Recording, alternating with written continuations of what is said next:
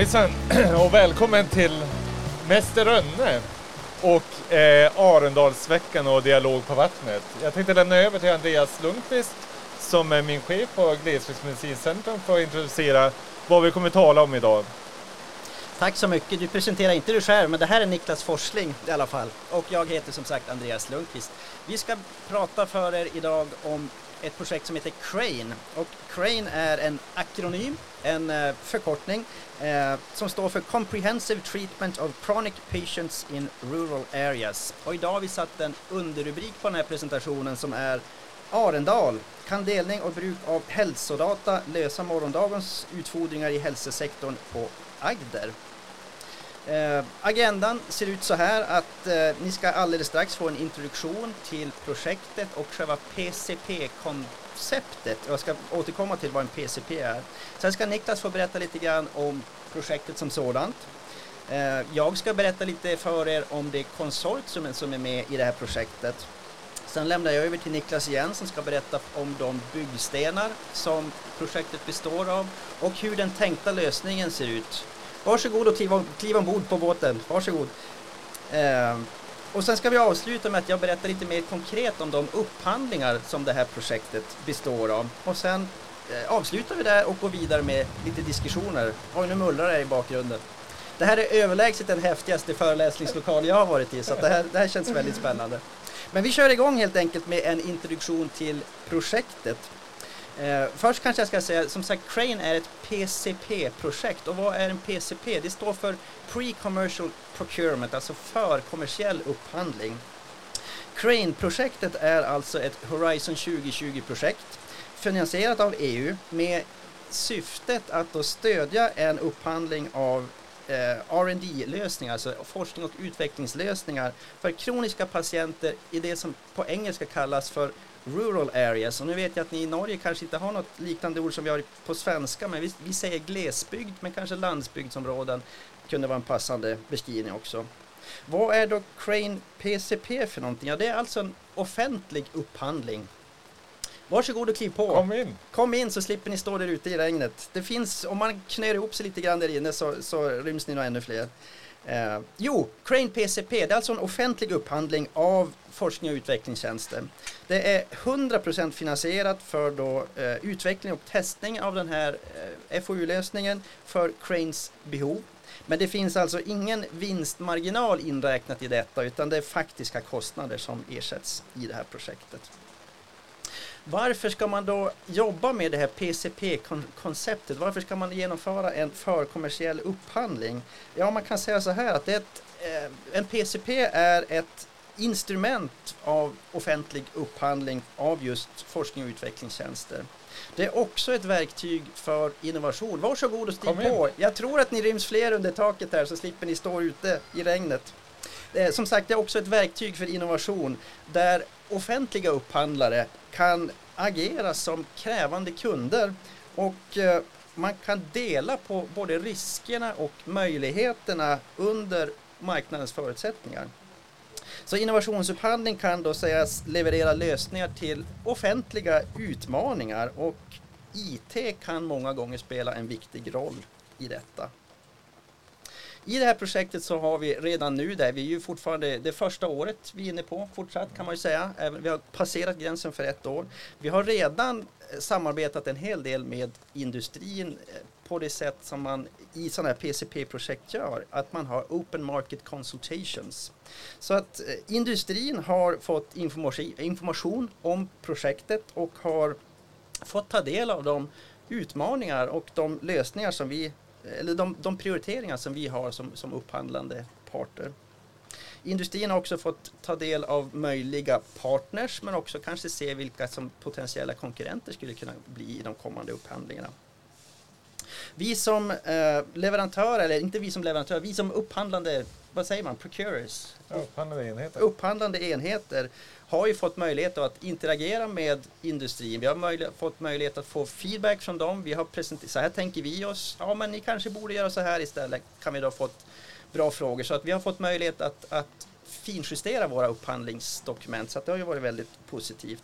Vi har ju också fått en möjlighet att se vad finns det för intresse för, från industrin för den här typen av projekt och det har varit väldigt stort måste vi ju säga. Så med det så ska jag lämna över till Niklas som ska få ge er en introduktion till själva mm. projektet. Ja, men jättebra Andreas. Eh, vi har gett en liten bakgrund att vi är ett Horizon FoU-projekt. Vi har gett er lite information om vad innebär det här eh, tillsammans med industrin, att vi har samarbete med industrin för att definiera vad det är vi ska göra. Och vad är det då vi ska göra? Så jag tänkte ge en liten projektintroduktion kring det. Alla sådana här projekt, allting vad vi talar om, också den här rubriken, det handlar om att ja, men vi ska lösa framtidens utmaning med att vi blir äldre, att vi lever längre. Och det, och det är ju sant. Vi måste hantera vården och omsorgen på ett annat sätt. Den kurva som man ligger på i Europa är ungefär idag 20 procent. Här ligger man betydligt lägre av någon anledning. 20 procent av befolkningen om, omkring 65 plus. Vårt område där vi kommer ifrån, där finns det kommuner som är över 30 procent som är 65 plus eller äldre. Så vi har en jättestor demografisk utmaning. Vi bor ju dock i, i glesbygd, eller Andreas bor i glesbygd, jag bor i Köpenhamn. Men, men, men Andreas bor i glesbygd och verkar i glesbygd. Vi jobbar, jobbar bägge på ett glesbygdsmedicinskt centrum. Ett centrum för tunt befolkade områden där vi utvecklar tjänster för eh, och socialomsorgen. Och den här problematiken den möter alla. Vi brukar säga, vill ni se hur man ska hantera den här utmaningen så kan ni komma och besöka oss. Men med det sagt så har vi insett att det räcker inte bara med att ändra servicemodellen, vi måste tänka annorlunda. Och det här är över hela Europa. Och vad vi vill med Crane, det är att vi vill säkerställa möjligheten till att alla människor som har olika typer av kroniska diagnoser ska kunna bedriva självmonitorering och egenvård från egna hem. Alltså inte, vi, vi har satt en målsättning på 70-80% av befolkningen som har kroniska lidelser ska kunna bedriva självmonitorering i egna hem. Och varför kan vi inte det idag då? Det finns ju utrustning, vi vet ju att ni är jätteduktiga på Agder med digital hemuppföljning. Ni kan det här, ni vet hur ni ska få ut de här tjänsterna.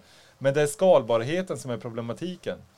Då man börjar självmonitorera sig så genererar man jättestora mängder med data och den här datan är jätteviktig för att hantera min egen hälsa. Men den är jättesvår att hantera för hälso och sjukvården. Vad ska vi göra med alla de här siffrorna vi får? När ska vi agera och hur ska vi, hur ska vi faktiskt kunna veta att vi tar hand om våra medborgare på bästa möjliga sätt? Här måste vi ha en ny servicemodell och vi måste också ha ett nytt system för att hantera den här datamängden. Jag hoppar lite grann i det här. Vi har omkring, vi tänker 70-80% ska, ska kunna hantera sig själv. Men i tillägg till det här måste vi också veta att eh, många av människorna som har kroniska tillstånd, som lider av, av ja, men hjärtfel eller, eller KOL eller vad det än är, eh, de har också, bor också ensamma. Så vi måste ha ett system som är enkelt att hantera, som är intuitivt att hantera för individen. Så att individen vill monitorera sig och önskar att ta det här egna ansvaret. Det ska vara hanterbart för människan. Och den här lösningen som vi då har i Crane, den bygger egentligen på två huvudsakliga eh, pelare, brukar vi benämna det. Det ena är att vi bedriver självmonitorering och egenvård från egna hem. Det vill säga att vi sätter ut utrustning, te ny teknologi så att man kan eh, i sitt egna hem titta, vad är mitt hälsotillstånd idag? I tillägg till det så bygger vi det här mot olika, det här hälsodatat man genererar, det får man en feedback på. Hur är min utveckling på min hälsa? Med hjälp av att man använder sig av vad man kallar datasjöar. Och på så sätt så kan vi ge en feedback till individen hur din utveckling på din hälsa ser ut. Den andra delen som är mer unik för Crane jämfört med kanske andra satsningar, det är att vi talar om ett ekosystem för välbefinnande. Och det ekosystemet, där ingår hälso och sjukvården, ingår socialomsorg, kommunal socialomsorg, kommunal, i, i Norge så är ju, är ju primärvården kommunal, alltså eh, vad kallas det, eran fastläkare är ju, är ju, är ju kommunal. Eh, men det är många olika aktörer, men också lokala affärslivet är en del av det.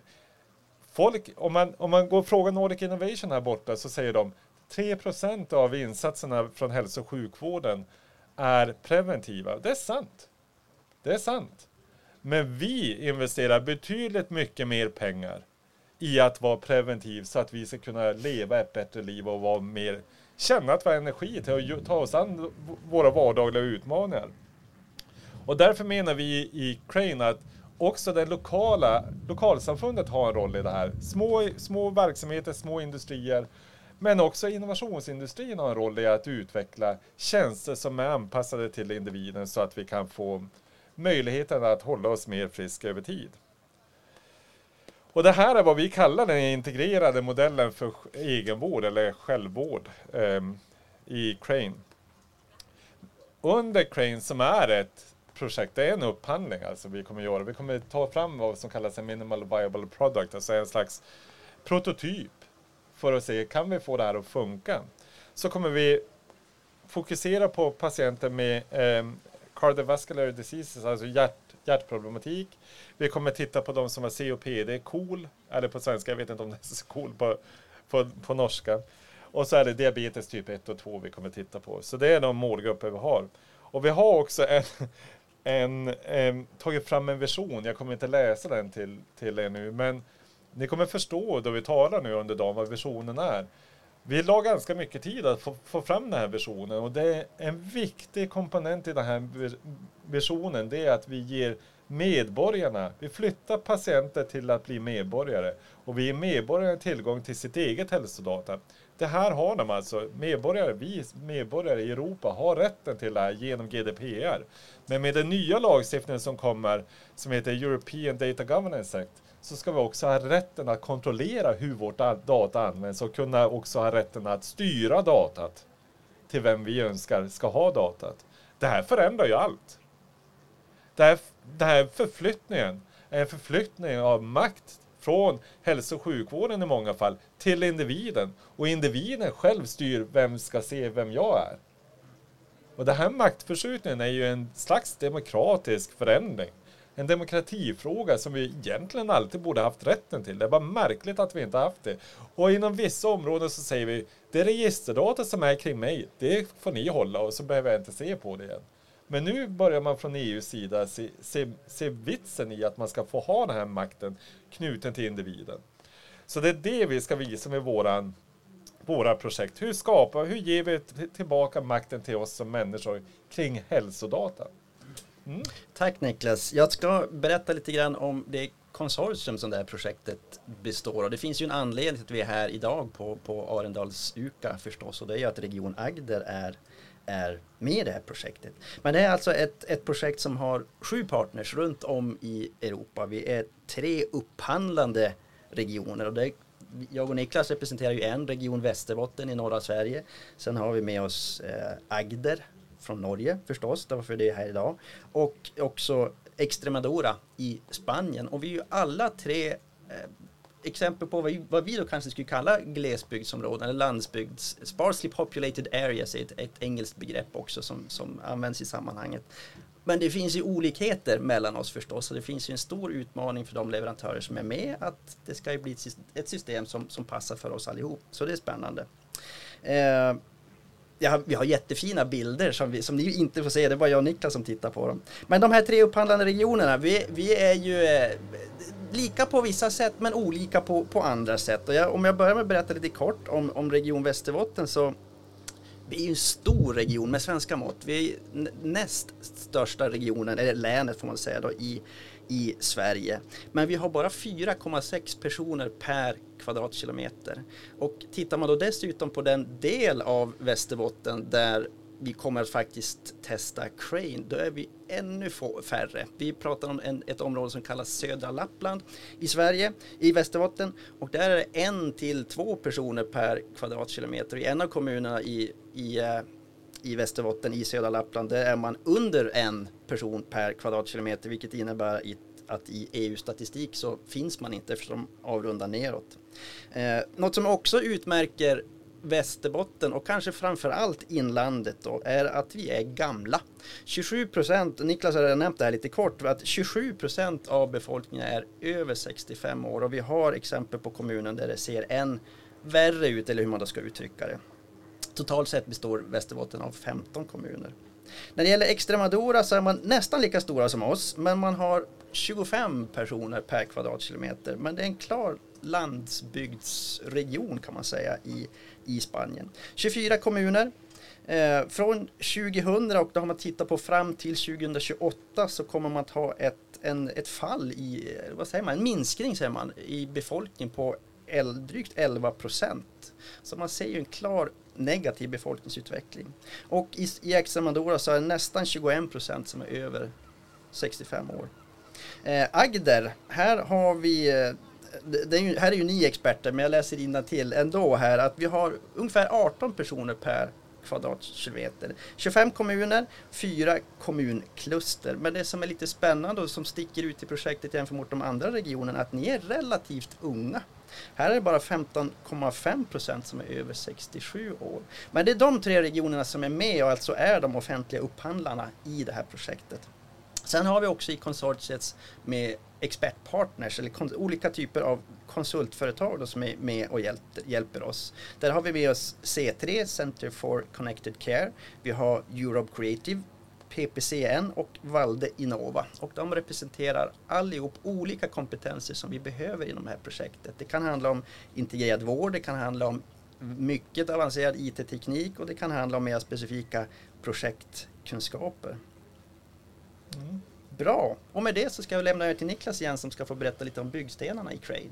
Vi kan säga att C3 är ju nu Oslo universitetssjukhus. Eh, vi har eh, Oslo eller Norge också med i det fallet. Men jag tänkte berätta lite om byggstenar. Vi har försökt dela in det här projektet i olika byggstenar bara så att man ska förstå ungefär hur det här är skruvat samman.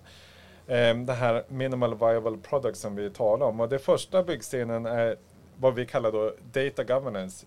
Hur ska man säga det på svenska? vi pratar alltid om alltså, det här på engelska. Struktur för att hantera data. Um, vad, som är, vad som är då unikt med, med Crane det är att vi tänker att data ska knytas till individen. Och det här är data från offentlig sektor men det är också annat privat genererat data. Det här kan vara data som ni själv ligger och monitorerar eller samlar in kring er själv. Hur många steg tar ni? Många av oss har idag en sån här smartwatch på oss det datat ligger hos Apple i vissa fall, ibland är det hos Samsung eller hos andra leverantörer. Ingen, ingen nämnd och ingen glömd här. Eh, men det viktiga att förstå här det är att det här datat kan faktiskt ha en betydelse för att veta hur väl du fungerar som människa. Och det ska du också ha tillgång till inom Crane. Du ska ha tillgång till data som är både offentligt data men också privat data, privat genererat data. Och det här tillgängliggörs direkt till dig som medborgare. Så fort det genereras så kommer det till dig också. Vi flyttar aldrig data någonstans. Data är vart det har blivit fött. Det blir kvar vart det har blivit fött. Men vi speglar data till dig som individ.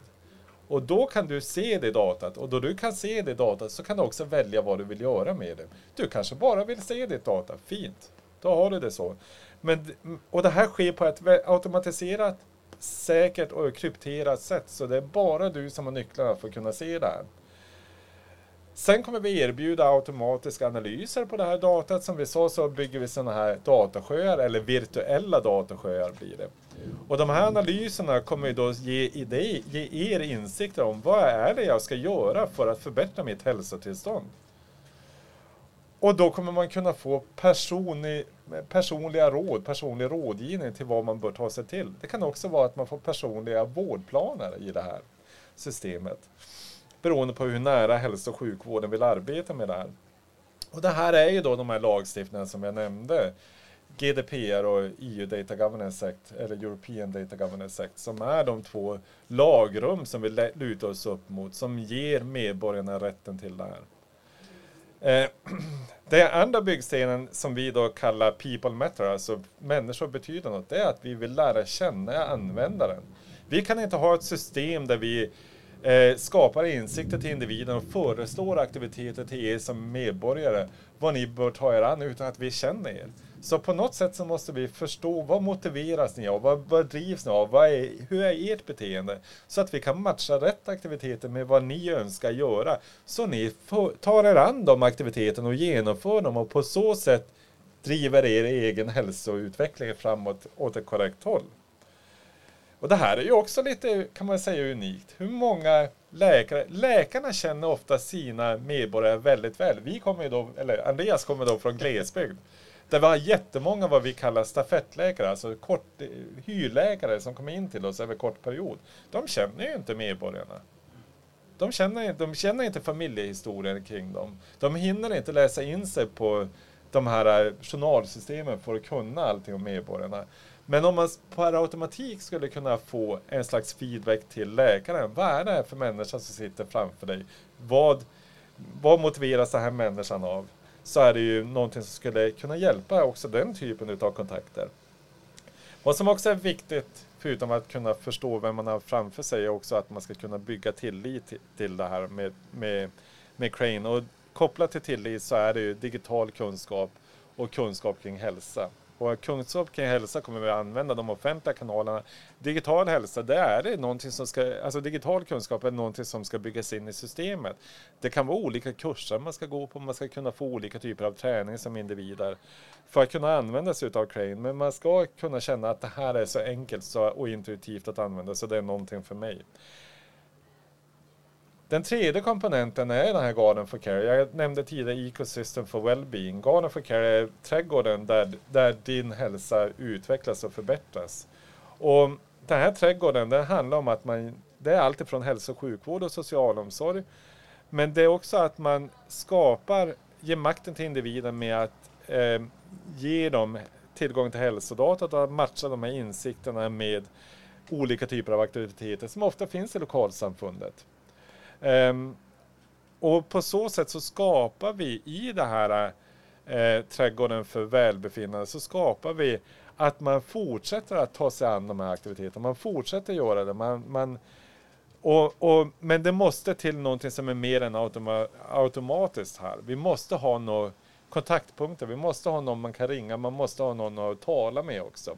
Och det kan ju också vara så att det blir ett nätverk av olika användare av det här Crane. Då som i sin tur bygger, bygger kontakter mellan varandra och skapar fysiska möten och så vidare. och så vidare. Men det kan också vara att det ska vara någon, ett erbjudande från hälso och sjukvården eller socialomsorgen så att det här går att hantera.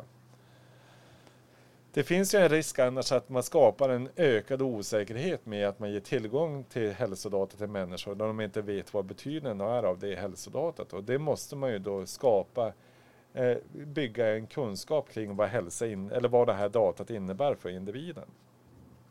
Men vi bygger också det här på vad vi kallar Trend Technologies. Trend Technologies är de senaste teknologierna som gör att det här är möjligt, att det är krypterat, att det är säkert och att man kan eh, skapa de här insikterna och att man splittar data så att eh, nyckeln till att bygga ihop det, det sitter bara individen på.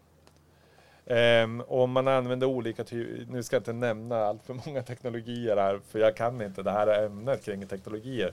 Men det är viktigt att förstå att samtidigt som den här lagstiftningen har växt fram, så har det också skett ett teknologiskt språng i utvecklingen.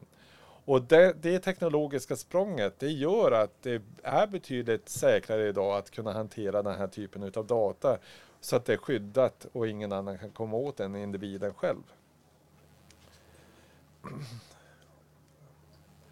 Nu ska vi se hur långt vi har kommit här. Den sista delen jag tänkte bara beskriva efter Trend Technology som sista byggsten, det är att det här är baserat på det är value-based modeling, vad ska vi säga? Värdebaserad. Värdebaserad. Ja.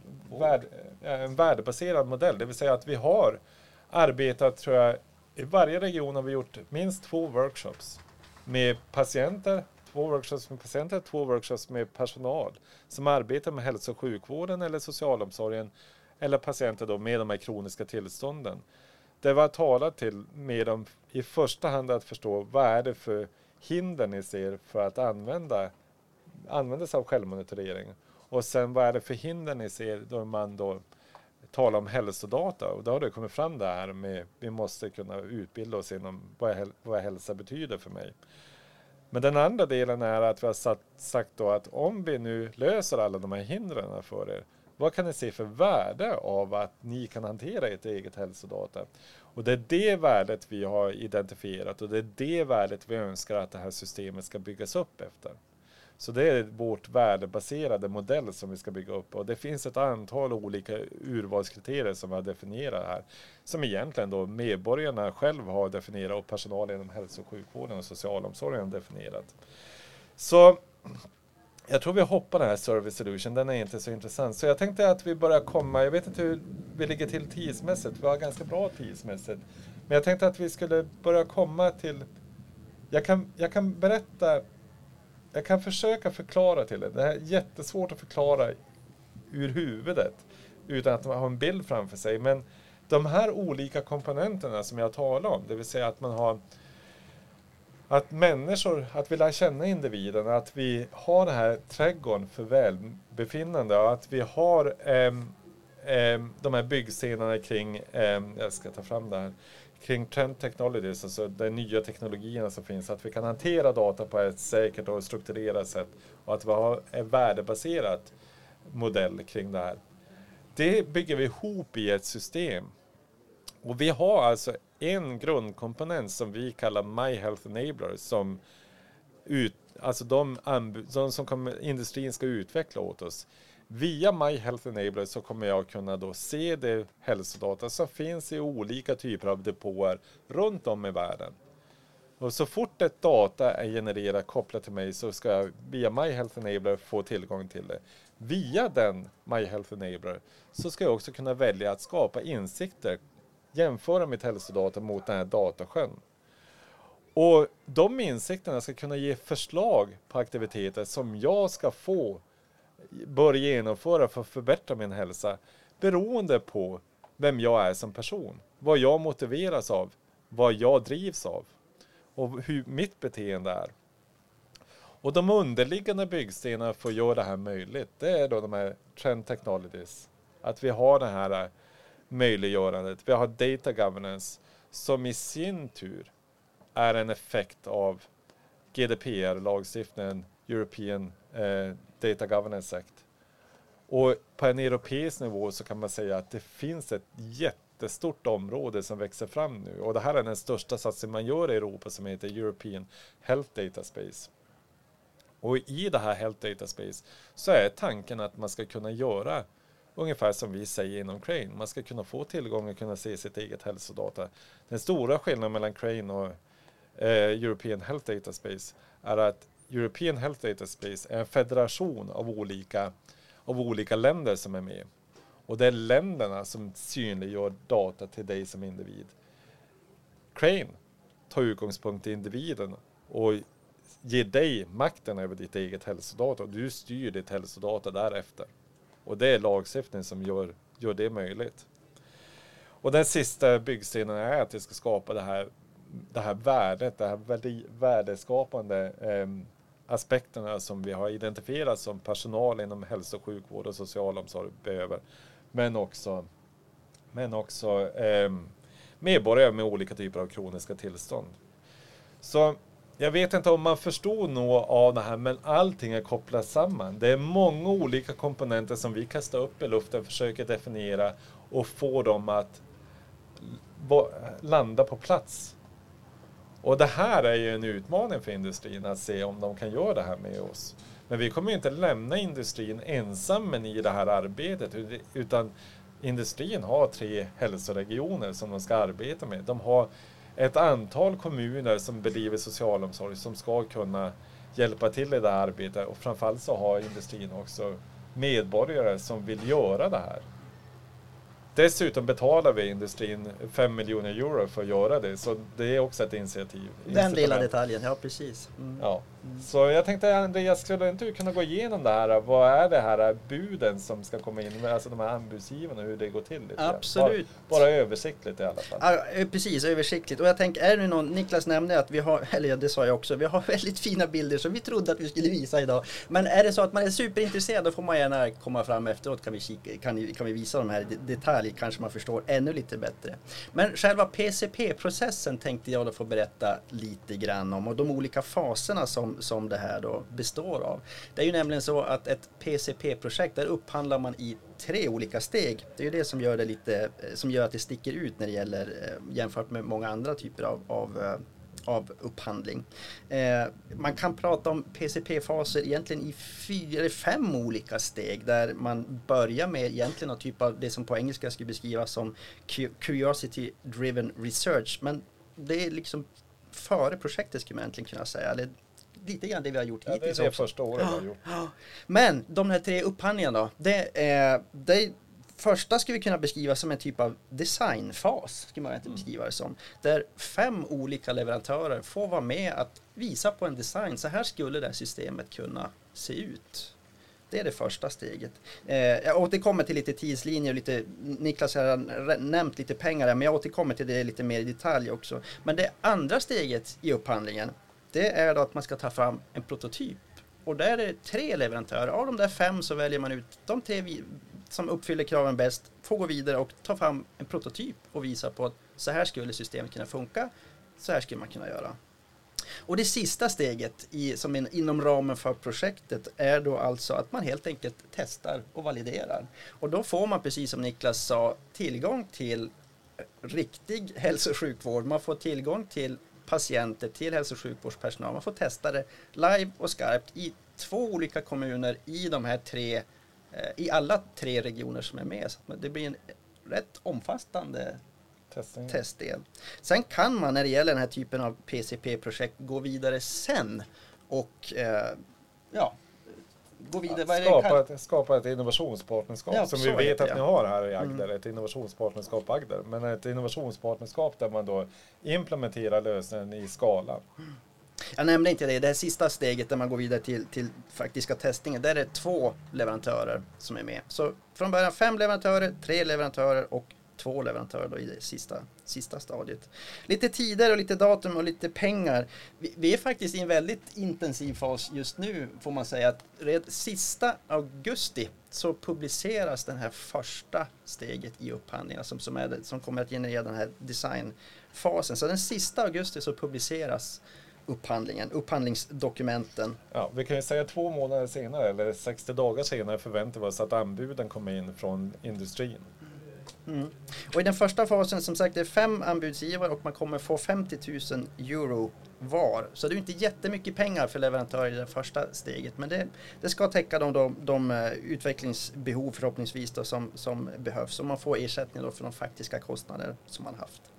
Eh, den fasen kommer pågå i fyra månader har vi skrivit här. Vi tror vi räknar på Fyra och en halv Fyra och en halv blir det nå någonting.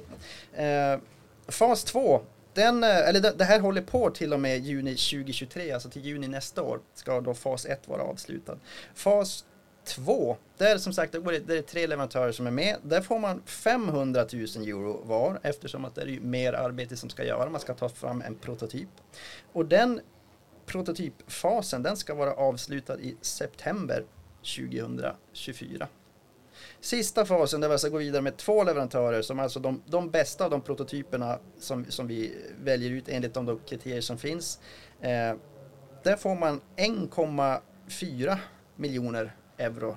1 450 000 euro per då leverantör som får med i den sista fasen. Och då ska man alltså testa och validera den, de här lösningarna i två kommuner i respektive land. 20, eh, mars 2026 ska valideringen vara avslutad så att det är som tidslinjen på, på projektet. Eh, I korta drag några fördelar med att arbeta med, med PCP-projekt. Om egentligen, ur ett leverantörsperspektiv så kan man ju säga att det innebär att man får nya, nya vägar in på en väldigt bred europeisk marknad genom då den offentliga sektorn. Kostnaderna för eh, utvecklarna av det systemet de är ju 100% finansierade. Man får ju förstås som företag putta in egna pengar men det ska vara 100% finansierat.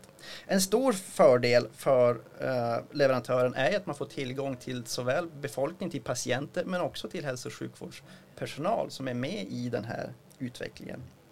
Eh, utvecklarna, eh, leverantörerna behåller sina immateriella rättigheter, IPR som det heter på engelska. Man får goda möjligheter att sprida de här lösningarna efteråt. Det är ni som äger dem.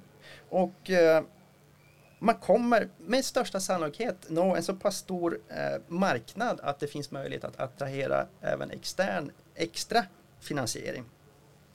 För den offentliga sektorn, ja det är klart att jobba med upphandling överhuvudtaget, är, själva syftet är ju att man ska få det bästa värdet för pengarna. Tanken är ju också att man med hjälp av de här typen av PCP-projekt ska modernisera offentliga tjänster eh, och hitta nya vägar att samarbeta med både industri men också med andra, andra offentliga organisationer. Tanken är ju också att man eh, på allra bästa sätt ska nyttja sina de resurser, ganska små resurser som vi vet finns i den offentliga verkligheten. Eh, och tanken är också att man ska stödja nya affärsekosystem och eh, stödja också då lokala servicekedjor som vi, vi förstår och vet att vi kommer att behöva på, på plats i de här olika regionerna. Eh, och därmed också stimulera både tillväxt och tillgång till jobb i Europa. Mm. Något du vill tillägga? Nej, jag, jag tänkte bara säga det här eh, på slutet från, från nu företräder ju jag och Andreas en hälsoregion som är Region Västerbotten i norra delen av Sverige. Och ni är betydligt bättre här i Agder. Så det jag nu säger det, det rör mest våran egen hälsoregion. Men det går på tok för långsamt. Den här omställningen som vi alla talar om, den kommer vi aldrig klara om vi håller den här takten som vi gör idag. Vi måste samverka med industrin, vi måste göra det här på ett annat sätt. Och vi måste ha det medborgarstyrt. Och det måste komma till nytta till medborgaren. Vi ska inte göra en omställning som är till för hälso och sjukvården utan vi ska stärka medborgarna och det är det vi gör med Crane. Egentligen lyfter vi ut makten från hälso och sjukvårdssystemet och sätter den i händerna på medborgarna så får medborgarna hantera sin egen hälsa i en betydligt högre fri, med en betydligt högre frihetsgrad. Och den makten gör också att medborgarna kommer ta initiativ till att, att genomföra mer preventiva åtgärder för att stärka sin egen hälsa. De har faktiskt har data på vad, eh, vad min hälsa är idag och vad jag bör genomföra för att förbättra min, min, eh, min hälsa den kommande tiden. Så, eh, och det här gör ju också att hälso och sjukvården kommer få bli ännu mer hälso och sjukvård. Vi brukar säga, ska man ha en sån här förändringar att kunna komma till stånd så måste vi göra de här läkarna, sjuksköterskorna undersköterskorna till ännu mer superhjältar än vad de är idag.